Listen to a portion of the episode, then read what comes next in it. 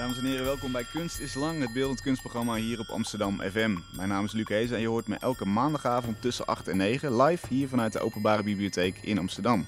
En vanavond praat ik niet zoals vorige week aangekondigd met Natasja Kensmil. Zij is te druk en moest de afspraak verplaatsen, maar ze zit hier 8 februari. Met wie ik wel praat, en daar ben ik heel blij mee, met Lonneke Gordijn en Ralf Nauta.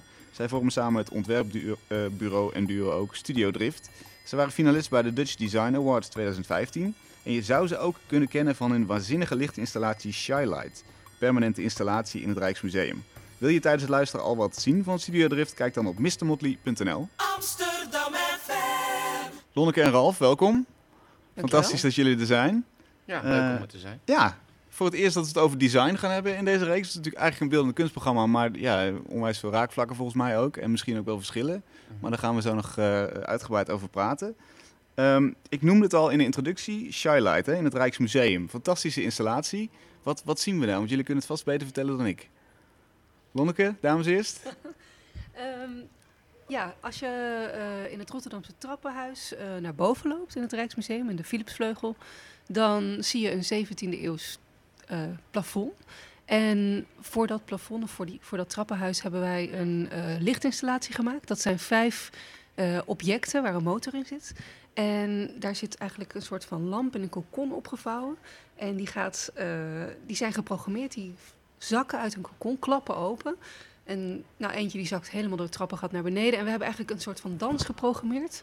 ehm, waarbij die vijf objecten met elkaar gaan, eh, ja, eigenlijk een choreografie aangaan.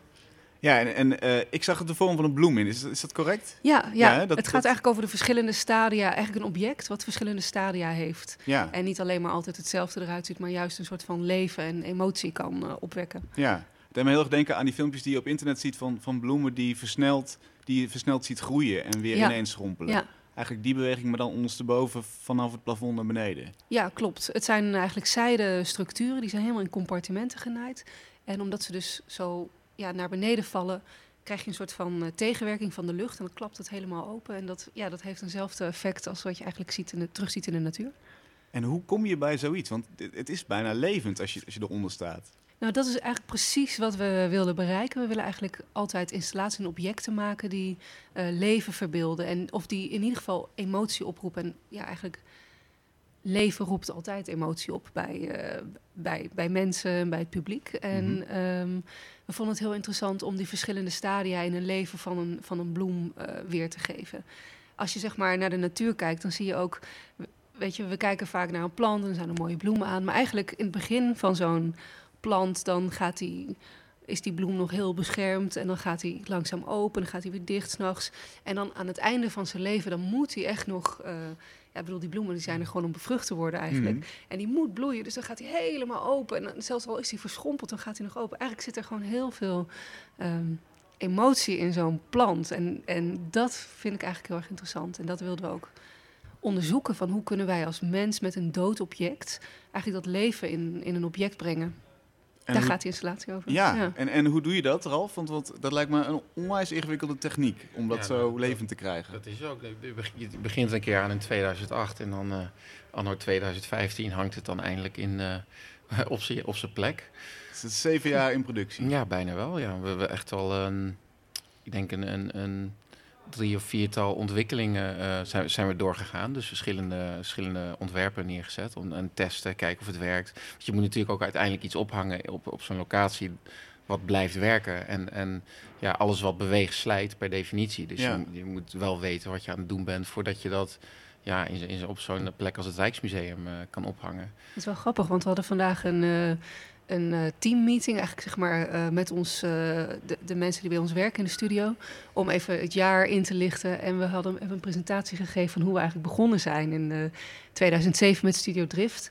En in alle plekken waar we gezeten hebben, anti-kraak en, en weet ik veel wat. En daar kwam elke keer weer Shylight, het project Shylight naar voren. Het was weer elke keer weer een periode van een paar weken dat die hele studie op zijn kop stond en dat we daar helemaal mee bezig waren. En dat, dat kwam eigenlijk al in 2007 volgens mij, of jij zei 8, of misschien 2008 zijn we daarmee begonnen. Het was ook onze studio één grote teringbende, omdat we gewoon nachten aan doorwerken waren om het voor elkaar te krijgen. En toen hadden we eindelijk, toen hadden we een expositie in de MU, dat heette NAT. Mhm. Dat ging al over ja, eigenlijk de relatie tussen mens en natuur. En toen hebben we de eerste shylight eh, gemaakt. Maar die heeft het misschien drie uur gedaan. En daarna viel die op de grond. En, eh, En waarom was het zo moeilijk? Waarom, waarom had het zoveel stadia nodig? Nou ja, we, we wisten niks van technologie eigenlijk. Helemaal Nee, niks. We wilden gewoon iets bewegends maken. En, eh, en nou goed, we, we hadden alles wel uitgedacht. Maar we hadden gewoon echt geen tijd meer om te testen. Dus het, de tentoonstelling was eigenlijk de testopstelling.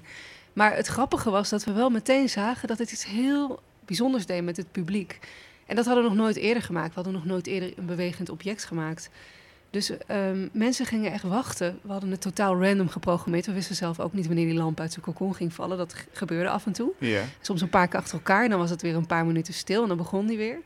En mensen gingen echt zitten wachten met hun fototoestel totdat die uit dat cocon viel. En dat was zo grappig. Er kwam een hele groep mensen omheen te staan. En we merkten dat dat een hele leuke interactie had met het publiek. Dus we dachten van... Nou ja, na die tentoonstelling eh, waren alle lampen eigenlijk kapot. Maar dachten, nou, daar gaan we toch wel mee verder. Dat moeten we eens goed gaan ontwikkelen, die technologie. Maar het was, het was altijd wel een project waarvan we echt geen, totaal geen idee hadden wat we ermee gingen doen. Het was, Of wie de klant was, geen idee. maar dat, dat is ja. ja. dat eigenlijk een beetje, een beetje het rode draad in, in ons werk ook. We beginnen gewoon iets, iets te onderzoeken en, en uiteindelijk iets te produceren in de studio waar wat we gewoon willen maken. Zonder dat, ehm, zonder dat we denken van oké, dan moet daar en daar hangen of dat heeft die en die functie. En, Ja.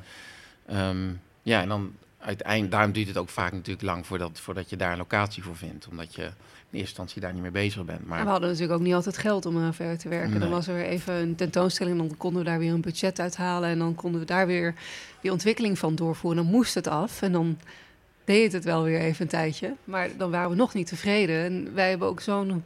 Ja, dit was echt een ontwikkeling van jaren. En toen we begonnen hadden we ook gewoon echt nog niet de kunde in onszelf... Mhm. eh, om te bereiken wat we voor ogen hadden. En wat is dan die laatste verbetering van, van stadium 4 naar 5, zeg maar, naar, naar de definitieve? Wat, wat, wat zat er nog niet goed? Nou, heel veel. We hebben eigenlijk gewoon vanaf, we zijn weer vanaf nul begonnen met het, eh, met het hele onderwerp. Want, eh, maar we- wel met de kennis die we hadden natuurlijk. ja, tuurlijk. Maar we hebben, we hebben door die aantal stadia's hebben we, heel, ja, hebben we eigenlijk heel, eh, heel erg vastgehouden aan het idee wat we hadden van hoe het mechanisch moest werken. Mhm. Maar ehm, toen het Rijksmuseum belde, dacht ik van ja, dit is gewoon eigenlijk niet goed genoeg. Dus we moeten, we zijn eigenlijk helemaal opnieuw begonnen met, met dat ja, op zijn op zijn eh, ja, meest eh, efficiënte manier in te richten. en, Ja, en dat ja. het ook gewoon weer goed, dat het soort goed zou Zwitsers werken. horloge moest het dan daar eh, voor de eeuwigheid komen te hangen. Ja, dat. Was, dat is wel de insteek. Ja, en, en het allereerste moment van dit werk, hoe kom je er nou bij om, om dit in een lamp zeg maar, te gaan vertalen? Of een lichtinstallatie. Een lamp is natuurlijk hopeloos het verkeerde woord eh, bij jullie werk. Ja, Hm. We Ja, hadden hoe? eigenlijk een, eh, ja, ik weet nog wel. Ik weet ook nog precies waar ik Ja? zat. Ja. Waar was je? Wat droeg je? ja, want het was in, eh, nog, helemaal, nog in Eindhoven. was echt eh, Mhm. heel lang geleden toen we nog daar eh, onze studio hadden. Ehm, het was meer een soort van gevoel wat, we, wat, wat ik voor ogen had. En dat vertelde ik aan jou. Mhm. En toen zei je van... toen was je ook meteen enthousiast. We, weet Het was een gevoel van, eh, we wilden eigenlijk heel veel. Het begon eerst met heel kleine dingetjes, want die shylights zijn best wel grote objecten. Mhm. We hadden eigenlijk heel veel hele kleine ehm, lampjes die eigenlijk naar beneden zouden vallen. En terwijl ze naar beneden zouden vallen, zou, zou door, de, door het mechaniek het licht aangaan. En dan zouden ze weer eh, uitgaan en omhoog. En dan de volgende zou dan weer gaan vallen. En zo hadden we een soort van ruimte voor ons ogen met allemaal vallende eh, objectjes. Allemaal ja, met, met licht en... eh, eh, die dus openklappen, naar beneden vallen en licht genereren en dan weer zo hoep omhoog. En We hadden dat eerst helemaal Ja, mechanisch maar ik denk uitgedacht. dat we die nog steeds moeten maken. Dat Als is ik het zo leuk hoor. eigenlijk? Ja, dat is, eigenlijk, dat is helemaal niet geworden. Stadium 6 wordt dat. Ja, misschien wordt dat het wel, inderdaad. Maar ook, weet je, om zoveel mechaniek in heel veel kleine dingetjes te stoppen, Mhm. eh, dat werd ook wel erg ingewikkeld. eh, maar het zou wel moeten kunnen. En komt dit dan Ja. uit de natuur, zeg maar, dat je, dat je zelf eh, door de natuur loopt en denkt van wat een wonderlijk mechanisme eigenlijk? Of, of hoe, hoe stuit je hierop? Nou, in de tijd dat we het bedachten, hadden we eigenlijk voor onszelf ons hele idee van wat wij nou eigenlijk doen en zijn nog helemaal niet helder. We waren gewoon altijd vanuit onze eigen interesse en enthousiasme van, oh, het zou vet zijn als we dit zouden doen of een ruimte waarin dit gebeurt. En we waren eigenlijk altijd op zoek naar die beleving van hoe we, wat we zelf heel gaaf zouden vinden. En pas na een paar jaar merkten we van, hé, hey, we werken altijd met licht, we werken altijd met ruimte. We vinden beweging en leven heel erg interessant. We vinden menselijk gedrag heel erg interessant. Dat staat eigenlijk altijd, altijd in ons werk. Maar toen we dit bedachten, was het vooral gewoon. Dit was meer een conclusie later, dat dat eigenlijk Mhm. onze interesses was. Dit was een soort van. Ja, het moest er gewoon komen. ja, was gewoon van, dat ging gewoon van, weet je wat vet is? Ja, en dan ging Ralf, ja, maar dan doen we het zo. Ja, en dan, Dus zo En- werken jullie vanuit een Ja. idee van dit is gaaf, dit gaan we doen. Ja. Eh, en dan zien we wel hoe. Ja, eigenlijk wel. Ja, en, dan, en, dan ben je, en, dan, en dan ben je vaak eh, in, in je zoektocht, dan hoor je honderd keer nee. Want dan ga je op zoek naar eh, fabrikanten die iets kunnen produceren. En dan, ja, als we het meestal kunnen produceren, dan verliezen we vaak ook wel onze interesse. Het is vaker dat als we, ja, als we, als we heel vaak nee horen, denken we, yes, dit, dit is er gewoon niet. Ja. Dit kan niet. Nou, dan gaan we dat doen. En dan gaan we ook zeg maar, die mensen in dat proces meenemen om het te kunnen produceren. Dus, ehm, en dat vinden we ook heel erg leuk om, om, om ja, die producenten die, die normaal heel erg stijf in hun vak zitten, te prikkelen om, om verder te kijken eh, wat ze zouden kunnen met de machines die ze hebben. En ehm, ja, dat, dat is dan wel heel erg de ontwerper in ons die daar, eh, die daar dan mee bezig is. ja, die de grenzen opzoekt en ook het onmogelijke probeert na te streven. Ja. En eh, nog zo'n ding wat, wat eigenlijk met natuur en met leven te maken heeft. Fragile Future. Soort paardenbloempluisjes hè, op, ledjes geplakt. En dat dan weer in een soort van koperkleurig raster. een soort mooi speelsel. Hoe, hoe, is het, hoe kom je daar, daarbij? Dat is ook in- via de natuur volgens mij. Ja, dat is eigenlijk, eh, dat was mijn afstudeerwerk aan de Design Academie Mhm. in 2005. Inmiddels in heel veel versies ook weer eh, tot een eindversie gekomen. Maar ja, het kwam puur vanuit het, het principe, het mechanisme van hoe een paardenbloem werkt. Dat vond ik echt zo ongelooflijk fascinerend. Namelijk? Nou, eh, je hebt dus natuurlijk eerst de gele bloem die open gaat. Dan gaat die bloem dicht en uit elk geel ehm, blaadje van de bloem wordt een pluisje. En langzaamaan groeit dat gele blaadje omhoog en groeit er een pluisje uit. Mhm. En dan gaat het mechanisme weer open. En dan zijn het allemaal zaadjes met parapluutjes. En die zaadjes die eh, ook, nou inmiddels hebben we zoveel jaren paardenbloemen geplukt, dus weten we ook van precies hoe het werkt. Ehm, die gaan pas open als die zaadjes rijp zijn. En pas op dat moment gaan ze, krijgen ze een soort van groeispurt, zodat die, dat pluisje boven het maaiveld uitsteekt, zodat hij de wind kan pakken.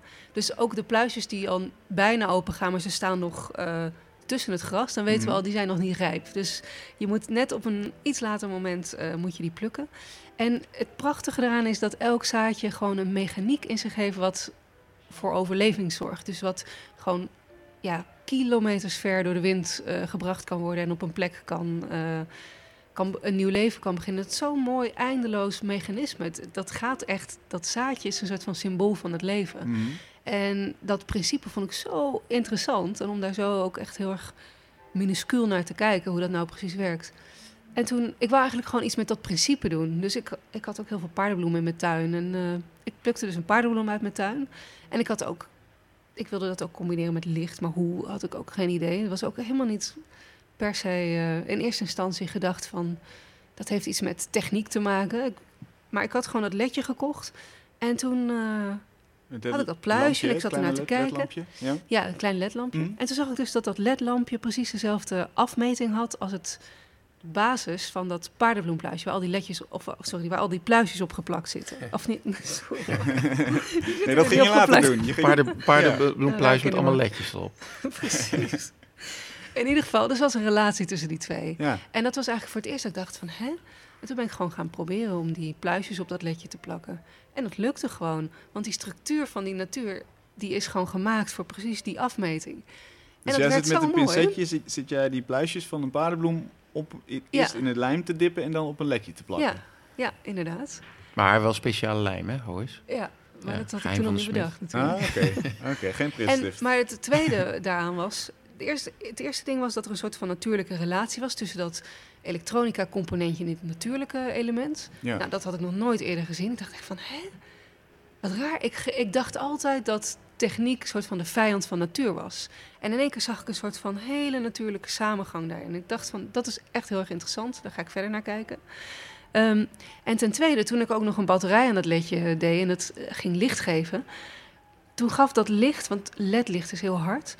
Dat, eh, die paardenbloempluisjes die braken dat licht echt heel poëtisch. Echt super zacht. En het klopte gewoon precies met elkaar. En dus het was, er zaten gewoon zoveel elementen in die, waarvan ik dacht, nou, het was gewoon een soort van ontdekking. En wat, trek je daar voor lessen uit? Of wat, wat brengt het jou dat die techniek en die natuur zo goed samengaan? Wat, Nou, eigenlijk, eh, als je Ja, dan verder gaat kijken. Dat heeft wel de basis van, de, van onze studio gevormd. Zijn we, dat, dat is wel waar we altijd mee verder gaan. Gewoon die, eh, ehm, ja, die, die gekke combinatie van twee werelden waarvan je denkt van nou die passen eigenlijk helemaal niet bij elkaar. Die dan, eh, waar je dan achter komt dat ze toch in elkaars verlengde liggen. En, en ook als je nog veel dichter gaat kijken, dat je dan denkt van ja, wat is eigenlijk nu high-tech en wat is low-tech? Mhm. We hebben het heel vaak over onze technologie, dat we denken van nou dat is, dat is high-tech, maar het komt natuurlijk bij lange na niet in de buurt van eh, De natuur. wat de natuur te, te, nee, te bieden heeft. Als je Ja. kijkt naar dat soort kleine processen en, en hoe dat zich allemaal ontwikkeld heeft door de jaren heen, dan, eh, ja, dan is de natuur gewoon het, de high-tech, de high-tech wereld. En, en, en onze technologie, dat is gewoon ja, de, ja En redelijk alle- banaal eigenlijk. maar- zien jullie het werk dan echt als, als namaken van de natuur? Of voeg je er nog iets aan toe waardoor het een twist Nee. krijgt? Het is niet het namaken van het Nee. het is- wel echt meer processen en, en natuurlijke materialen gebruiken om ehm, Eigenlijk te laten zien Ja. dat eh, dat inzichtelijk te maken. technologie het- verlengde is van de natuur. Alle technologieën die ontwikkeld zijn, die komen praktisch afgekeken van eh, een of ander proces wat, wat, wat in de natuur voorkomt. Mm. Ja, Wij mensen zijn niet zo slim dat we dat allemaal zelf kunnen Nee, bedenken. nu, het is gooi, nu allemaal al. gooi je er een mooi woord tegenaan, biomimicry. En, maar dat is natuurlijk nooit anders geweest. Ik bedoel, de hele Die moet je even uitleggen? Nou ja, dat, is, Biomimicry? dat, noemen ze dat is nu een stroming waarbij ze dan inderdaad naar die tu- natuurlijke processen kijken en dan gaan ze dat kopiëren in een eh, productieproces of in een, in een eh, bepaalde, eh, ja, bepaald materiaal. Ja. Ehm, maar de hele industriële revolutie is daarop gebaseerd. Ik bedoel, het is, het is, het is nooit anders geweest. En eh, ehm, ja, Maar, Maar ik je- denk ook sinds de industriële revolutie eh, werd de technologie een soort van vijand van de natuur. Dat was vervuilend. En, eh, en dat beeld is heel lang nog gebleven. Mhm. En ook, eh, weet ik veel, toen wij opgroeiden in de jaren 80 of begin jaren 90, toen er, toen er nog een gat in de ozonlaag was. Wat Ja. we inmiddels nooit meer over praten. Ja, ik weet ook niet waar het is gebleven. van, ja. Ehm, toen was ik daar ook heel erg mee bezig als kind. En in Ralf, volgens mij, ja, daar hebben we het ook wel over gehad, ook, was daar ook mee bezig. ja, over absoluut alleen maar. om die problemen op te lossen. En, en van ja, en, en techniek en alles. Ik vond brommer stom, want het was milieuvervuilend en weet ik veel wat. Ja. Viertakt was wel weer mooi dan natuurlijk. Hè? Voor jou in ieder geval, Ja, ja. daar wist ik natuurlijk helemaal niks van. Echt brommers. En eh, ik heb het altijd zo, gezien. En dat, dus dat zien van dat die eigenlijk de oplossing misschien wel voor de, voor de moeilijke problemen in de wereld juist misschien wel in de technologie liggen.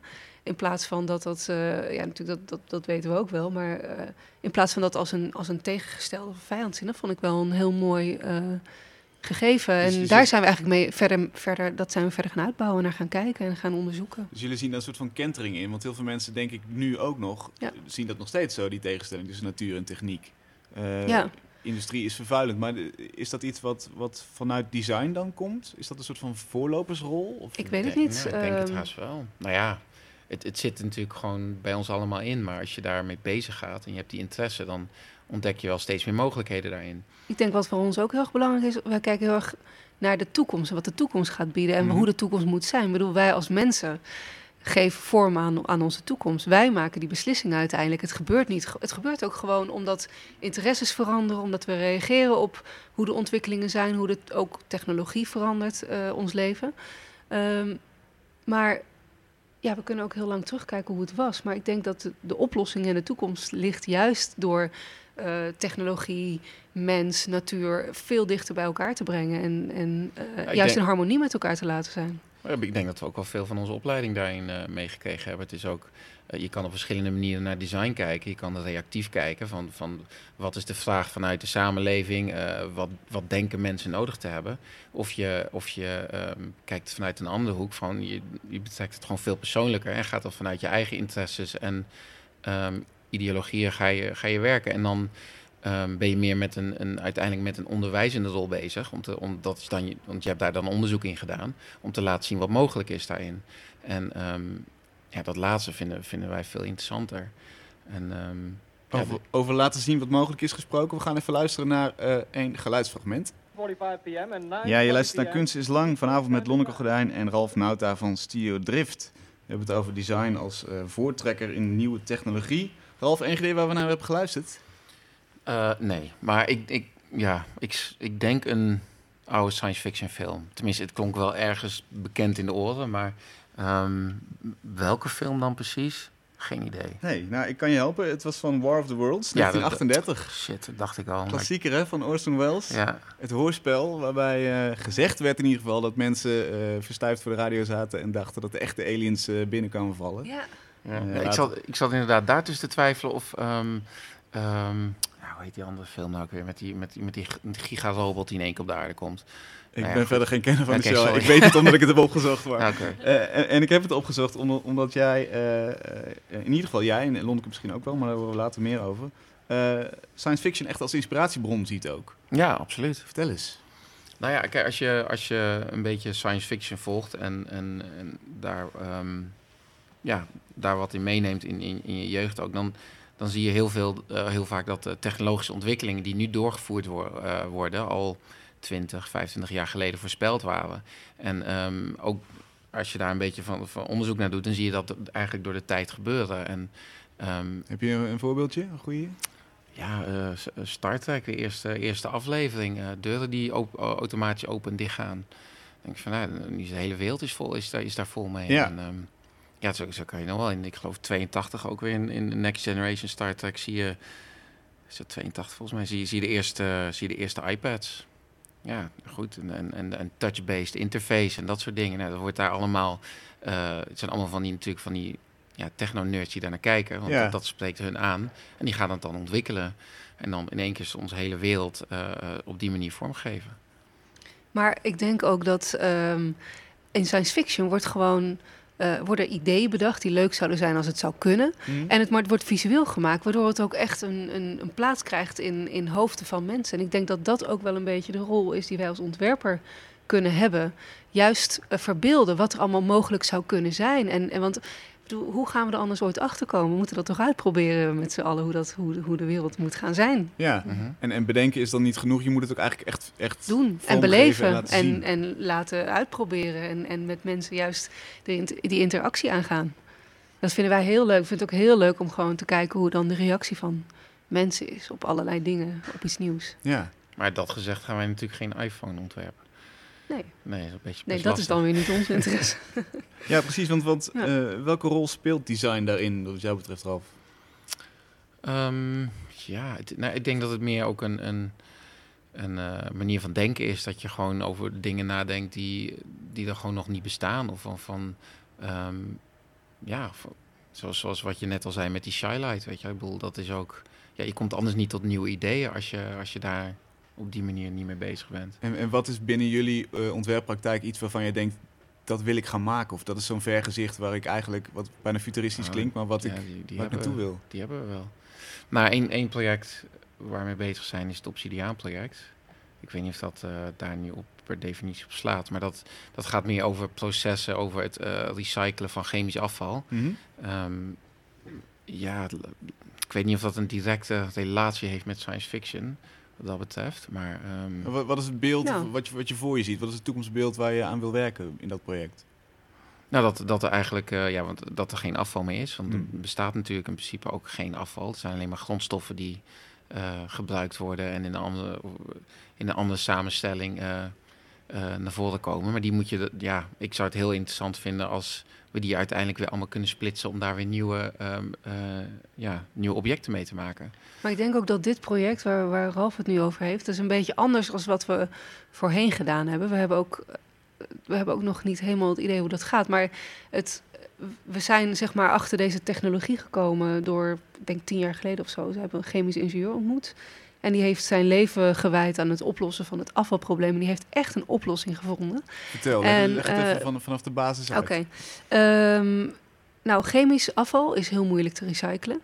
Maar er zitten heel veel waardevolle eh, edele metalen in, bijvoorbeeld. Ehm, fotografisch materiaal uit ziekenhuizen van radiologen bevat bijvoorbeeld heel veel zilver.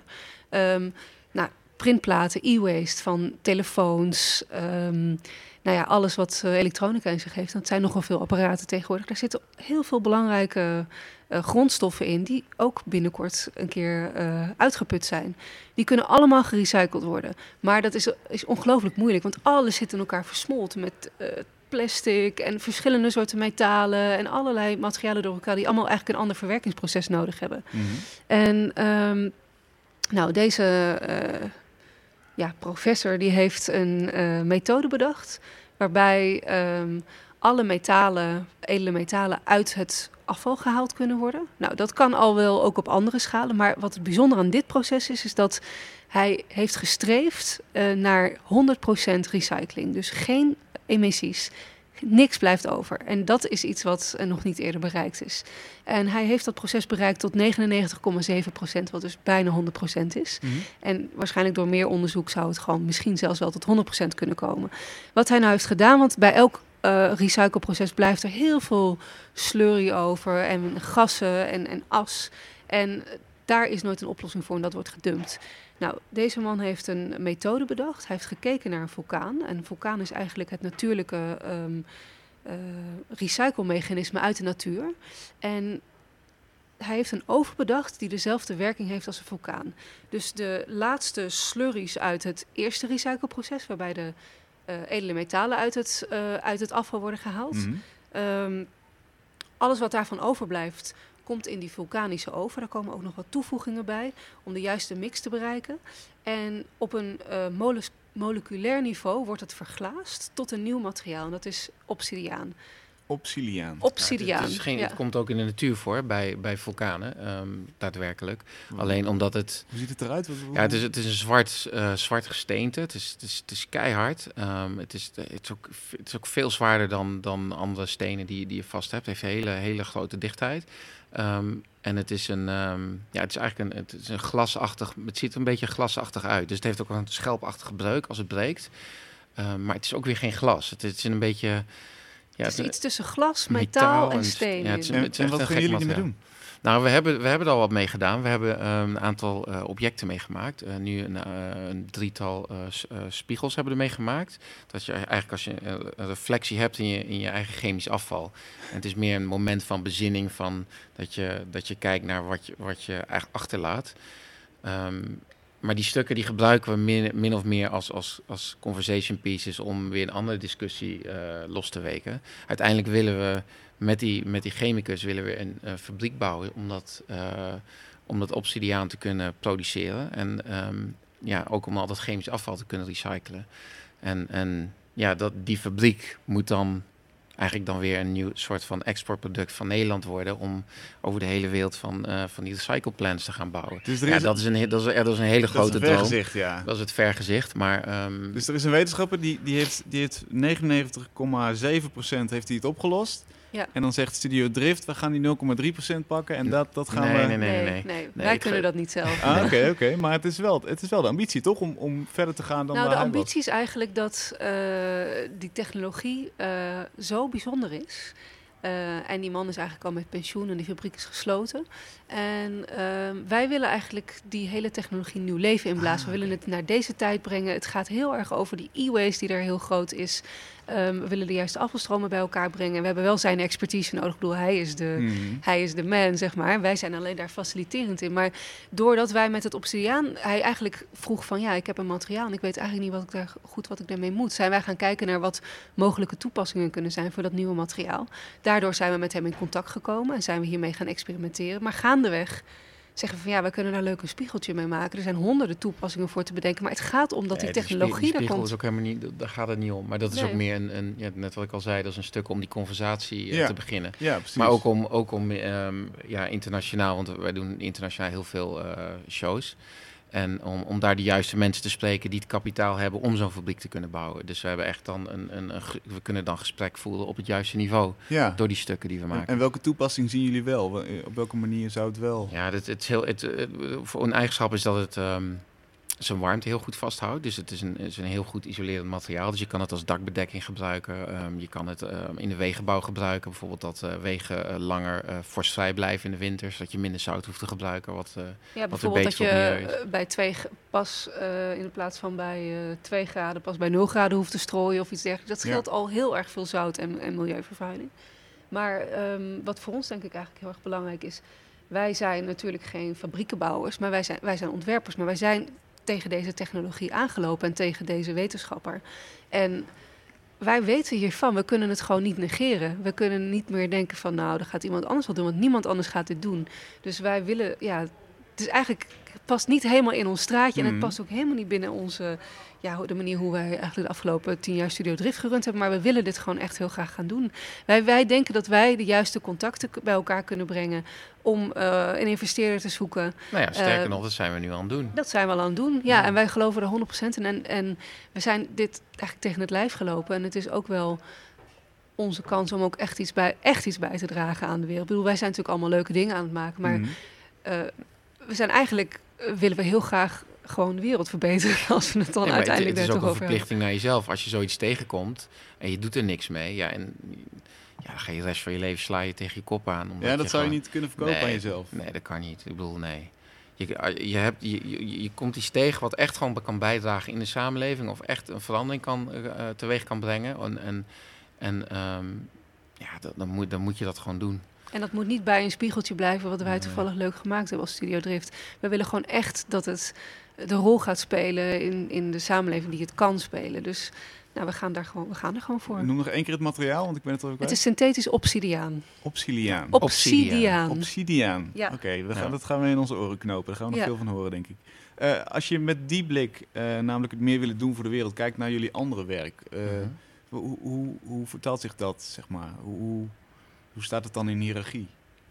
Ja, ik weet niet of het een. een- ja, dit, dit is gewoon voor mij het belangrijkste project wat we op het moment kunnen doen. Ehm, daarnaast hebben we natuurlijk gewoon onze, onze, onze eigen passie. eh, en, en dat Maar- is interessante sculpturen creëren waar, waarbij, ehm, ja, waarbij we mensen eh, in een bepaalde beleving meenemen of een wereld laten zien die ze niet voor ogen hadden. Eh, ja, dat is wel iets wat we altijd willen doen. Ja. Ik denk dat wij gewoon heel nieuwsgierig zijn over hoe de wereld werkt en eh, wat er allemaal mogelijk is. En bij eh, nee houdt het niet op. We, we willen juist altijd kijken naar wat er wel kan. En we zijn heel erg geïnteresseerd in eh, toekomstige of nieuw, ja, nieuw te komen technieken. En zo ook dat hele Obsidiaan-project. Dus die technieken gebruiken we ook in ons werk, maar we willen daarmee ook juist verbeelden die, die samenwerking tussen de natuur en, en technologie. En eigenlijk met technologie een hele natuurlijk, een heel eigenlijk natuurlijk aanvoelende omgeving creëren. En eh, in dat, met diezelfde nieuwsgierigheid zijn we ook met dat obsidiaan begonnen. Dus in die zin denk ik, past het wel in het verlengde. Maar Ja. dit heeft een veel grotere impact op de, op de omgeving. Nou, ja, op, de, En op de normale wereld, zeg maar. Ja. Niet alleen op de De designwereld. ja, design- en kunstmensen. zeg dit, dit overstijgt dat, dat, eh, Ja. dat toch wel een beetje eh, smalle Culturele vlak, ja. waar wij, waar wij Is het in, eh, eigenlijk. Ja. opereren. Het is En dat is juist heel het, interessant. het, cult- het culturele vak is natuurlijk ook gewoon een luxe. Weet je, dat is altijd de, de, de, de laag bovenop de samenleving. Maar dit is gewoon echt, dit is gewoon voor ons echt de diepte in. Gewoon, Ja. eh, ja. Ja. Eh, hoewel het natuurlijk ook wel een soort van keuze is. Hè? Want je hebt ook wel ontwerpers die natuurlijk voor de massa ontwerpen en, en Ja. echt wel zich bezighouden met, met dingen die overal terechtkomen. Mhm. Ja. Is, is dat een andere vlak dan waar jullie normaal gesproken in werken? Ja. Eh, ja, ja we- we- maar dat is, dat is ja, in ons persoonlijk werk vanuit Studio Drift doen we eigenlijk nooit concessies in, in, in wat we willen neerzetten. Mhm. Nou ja, daardoor kom je automatisch eh, op materialen en technieken die, eh, ja, die, die eigenlijk niet voor niet de massa zijn, want die kunnen gewoon niet goedkoper. Want weet je, het, het zijn gewoon dure materialen, dure processen. En dan, ja, dan is een werk op een gegeven moment heeft een bepaalde prijs. En is het niet voor iedereen, nou, dat vind ik ook prima. Ja. Hoeft ook niet. Ah, ik vind Er ook is al eh, genoeg stoelen en rommel en eh, nee. En er is Nee. al genoeg rommel. Ja, ik, tuurlijk. Je wil, je wil toch gewoon iets neerzetten wat er niet, wat er niet is, wat niet bestaat. En dan, dan kom je daar automatisch op terecht. voor ons is denk ik ook belangrijker eh, wat we maken dan dat we zoveel mogelijk maken. We hebben wel ook wel eens ehm, voor een eh, Italiaans label een, eh, een lamp gemaakt.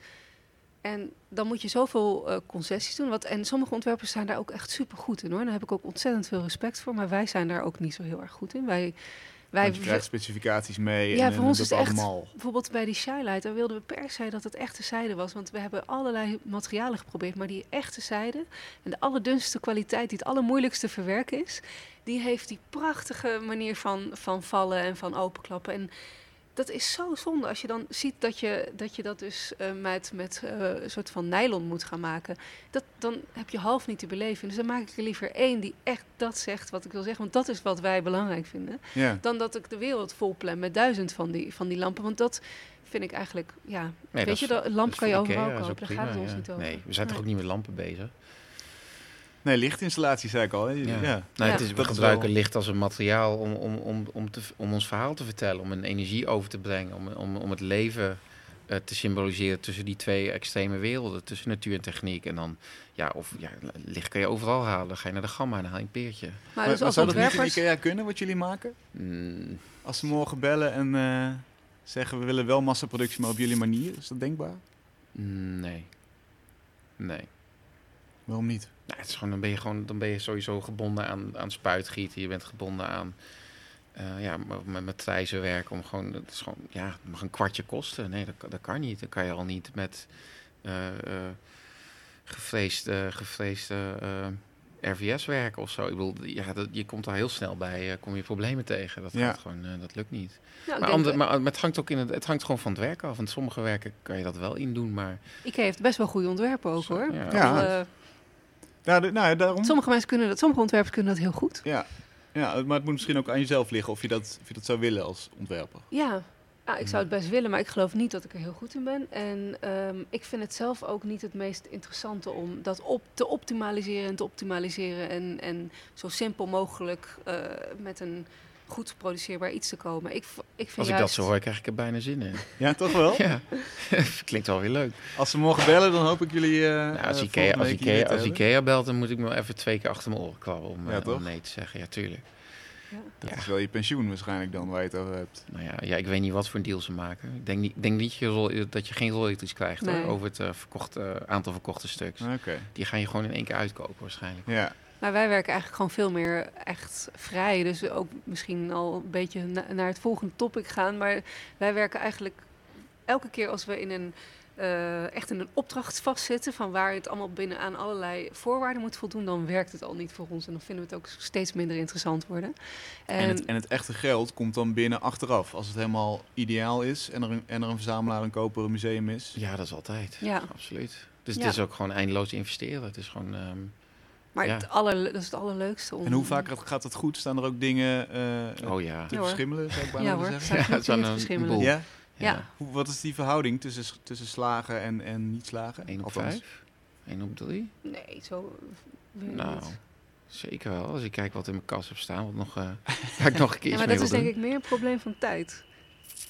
Ja, maar het Tijd zijn wel allemaal, zijn natuurlijk wel allemaal beetje- investeringen die we gedaan hebben in materiaalonderzoek en, en productie. En, Ja.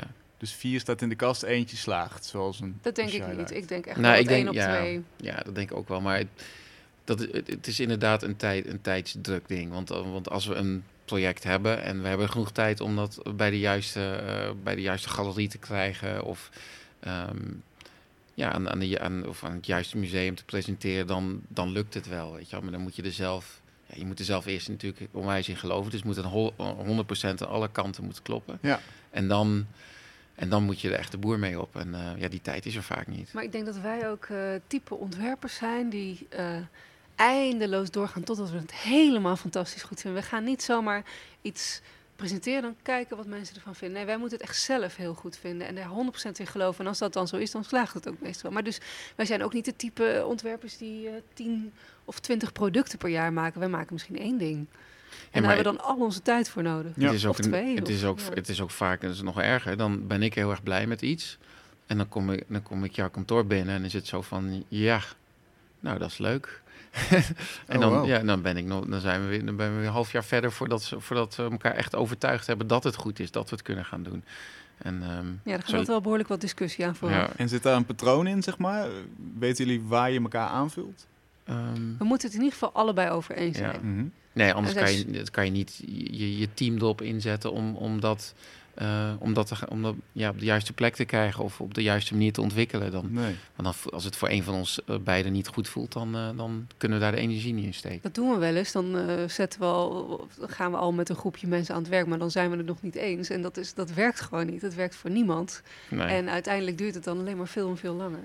Dus dat is, dat is cruciaal. Maar dat is ook de graadmeter. We zijn allebei super kritisch op elkaar. We Mhm. weten eigenlijk wel precies wanneer iets goed is en wanneer niet iets goed is. En dat moeten we dan ook allebei vinden. Want dan is het voor ons de graadmeter dat het klopt, Ja. het concept. En als we allebei enthousiast zijn, dan hebben we ook de power en de drive om het voor elkaar te gaan krijgen. Want vaak is het niet zo eenvoudig dat je denkt, nou, nu ga ik het maken. Want dan is altijd echt nog de vraag hoe. En dat moet nog helemaal uitgezocht worden. En Nou ja, goed, het is een heel traject van maanden vaak. Dus Ja. je hebt daar ook echt die energie en overtuiging voor nodig. Het is niet zomaar een ideetje, we gaan het even proberen. Het is echt een ook serieus project waar we aan gaan werken. En dan komt de stempel Studio Drift erop. Ja, We gaan even luisteren naar eh, de regels via de radio, onze vaste rubriek. De regels via de radio. radio.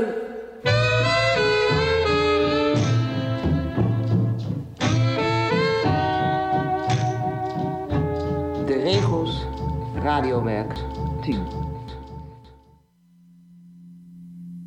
Deep breathing is a simple exercise that involves consciously slowing and deepening your breathing. Research has demonstrated many health benefits of deep breathing. In this guide, we will focus on its use for stress management and relaxation. After some brief instructions, we'll help guide you in practicing the skill. When a person experiences anxiety, the body responds with symptoms that can include a racing heart, shallow breaths, sweating, a sense of fear or uneasiness, difficulty concentrating, and a blank mind. These symptoms can range from being slightly uncomfortable to being totally debilitating. Deep breathing is used to initiate the body's relaxation response. Relaxation is characterized by slower breathing, lower blood pressure, and a feeling of calm.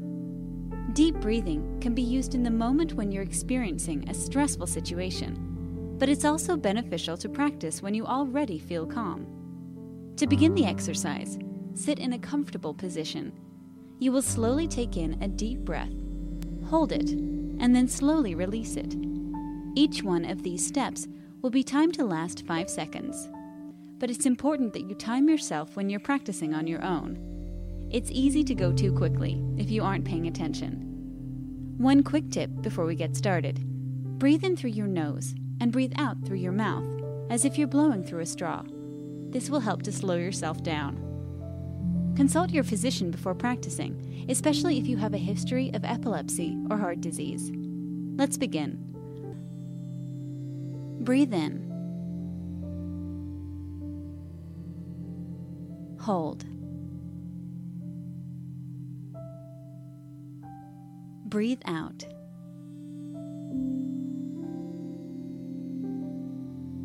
Breathe in. Hold. Breathe out.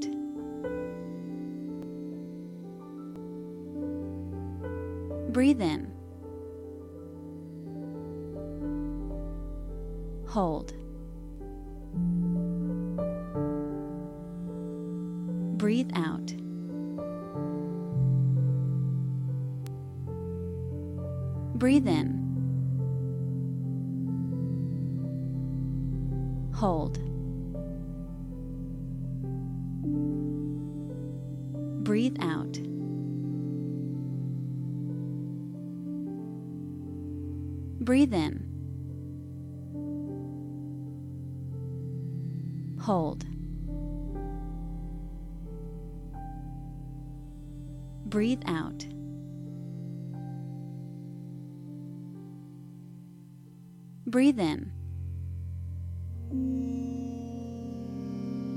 Hold. Breathe out.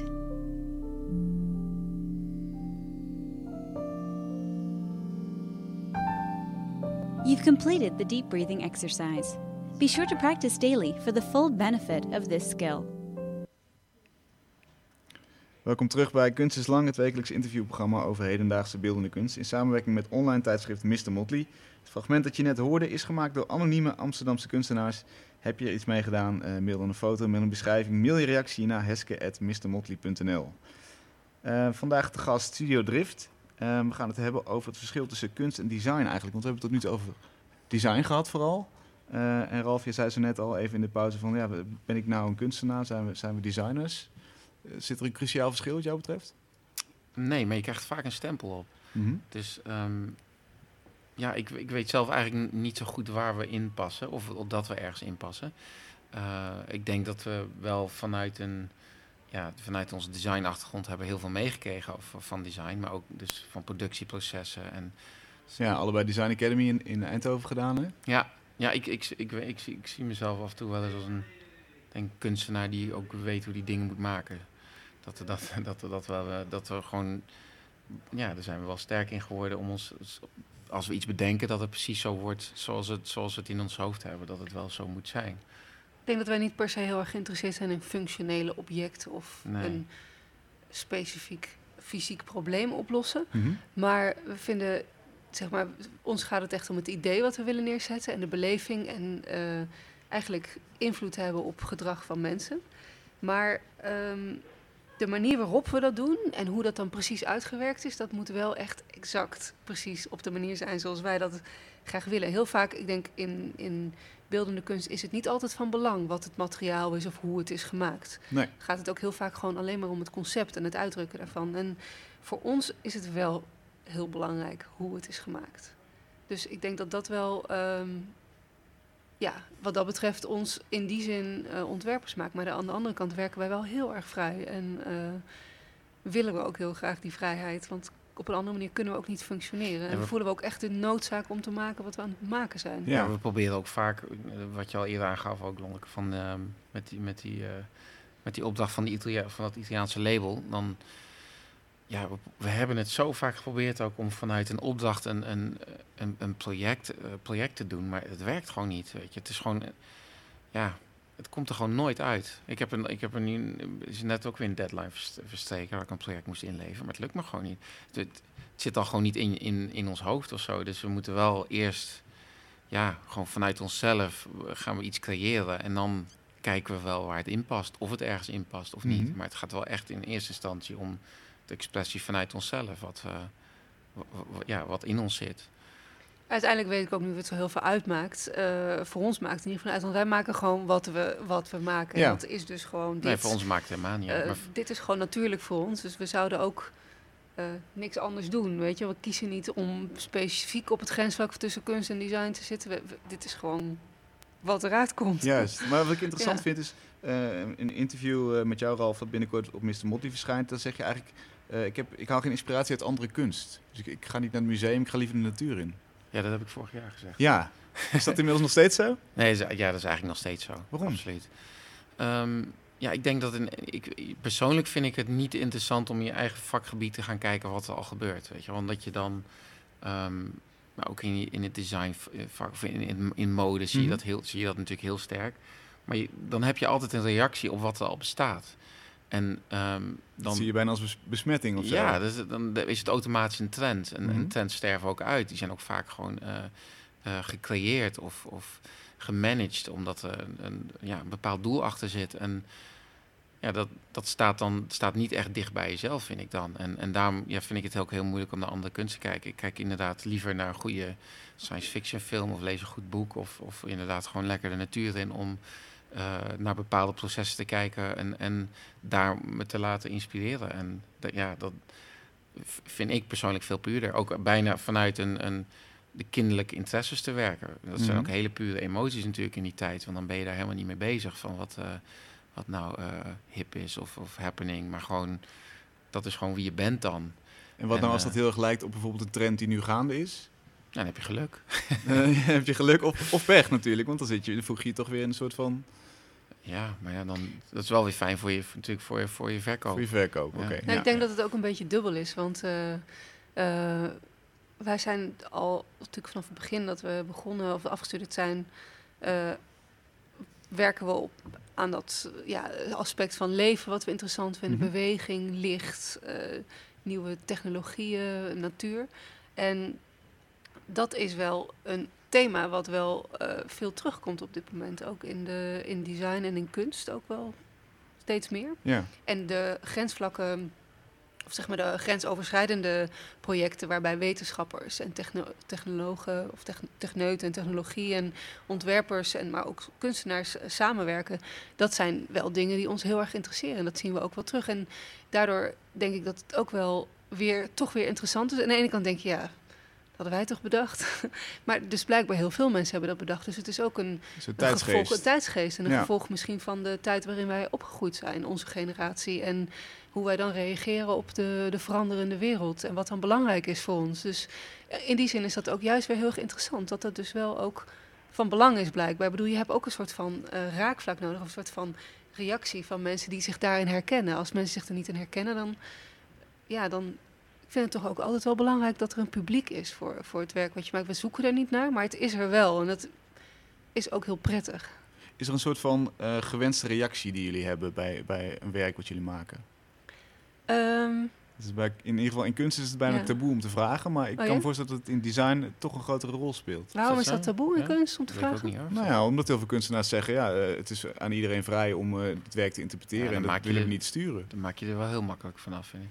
Nou, dan zul je eens met heel veel kunstenaars moeten gaan praten, want Ja, dat, dat is wel eh, een, eh, een soort van geldende opvatting, ja.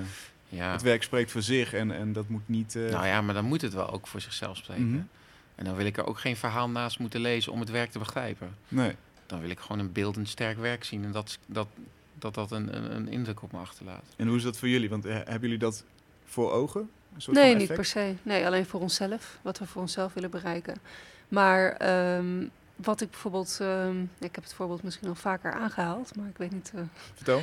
eh, wat ik zelf heel eh, bijzonder vind, is dat met het werk Fragile Future... waar dus de paardenbloempluisjes op de ledjes zijn geplakt... ehm, waarbij je dus heel veel reacties ziet van mensen die zeggen... hé, hey, dat lijkt wel een paardenbloem, maar wat is het? En dat zegt alles over hoe mensen de wereld zien. Dat vind ik zo interessant, omdat je ziet een paardenbloem...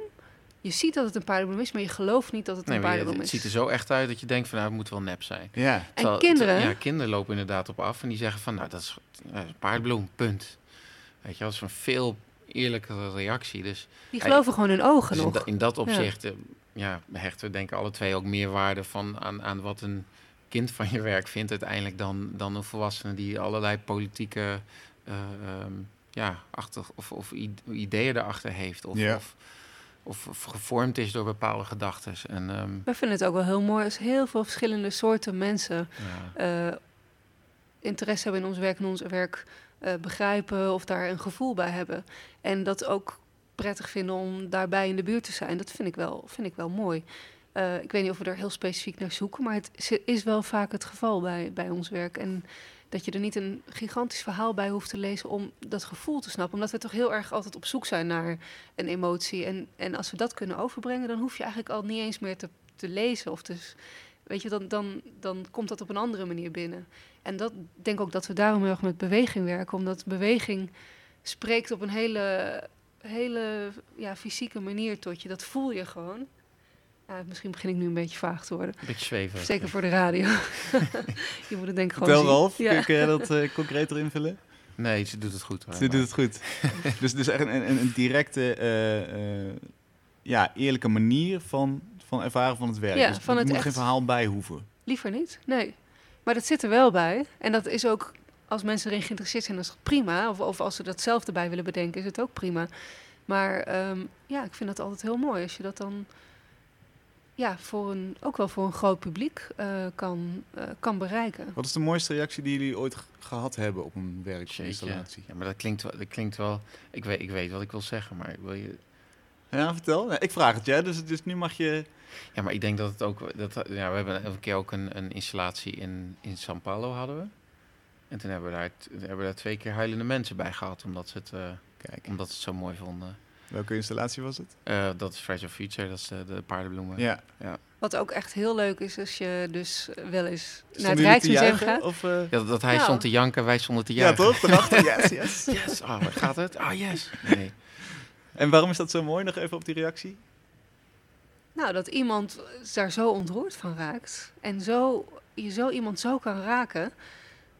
Ja, dat is een hele grote Dat is wel een eer, waardering. tuurlijk. Ja, dat Ja. is wel een eer. Heb ja. je dan de behoefte ook nog om te, te weten waarom er gehuild wordt? Of is dat eh, te... Mm, Niet per se. Ik, nee, dat mag wel. persoon- Heel veel mensen hebben ook heel veel herinneringen met paardenbloemen. Of die, weet ik veel. Ja, dat, dat zit, zitten heel veel persoonlijke verhalen omheen. En heel veel mensen vertellen dat ook. Of die schrijven een mailtje of weet ik veel wat. Het is echt, dat is echt het heeft ook wel leuk. veel verschillende cultuur en andere betekenis. Ja. Ik geloof ook dat het inderdaad in, eh, in ehm, Brazilië iets met de, de dood of afscheid te maken had. Of dat het zo'n verbindenis had. En, maar het heeft wel, eh, ja...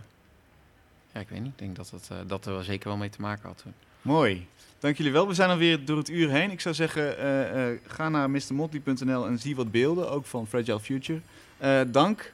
Kunstenaars en designers. Ja, Eh, zo, zo ga ik jullie maar afkondigen. Dit was Kunst is Lang met Lonneke en Ralf. Dank voor jullie komst. Wil je thuis meer zien? Eh, ga dan naar mrmotti.nl. Daar vind je artikelen en verwijzingen naar hun werk. Volgende week zit hier Berend Strik. De man die waanzinnig mooie en gelaagde doeken maakt door er extra lage stof op te naaien. Tot volgende week bij Kunst is Lang.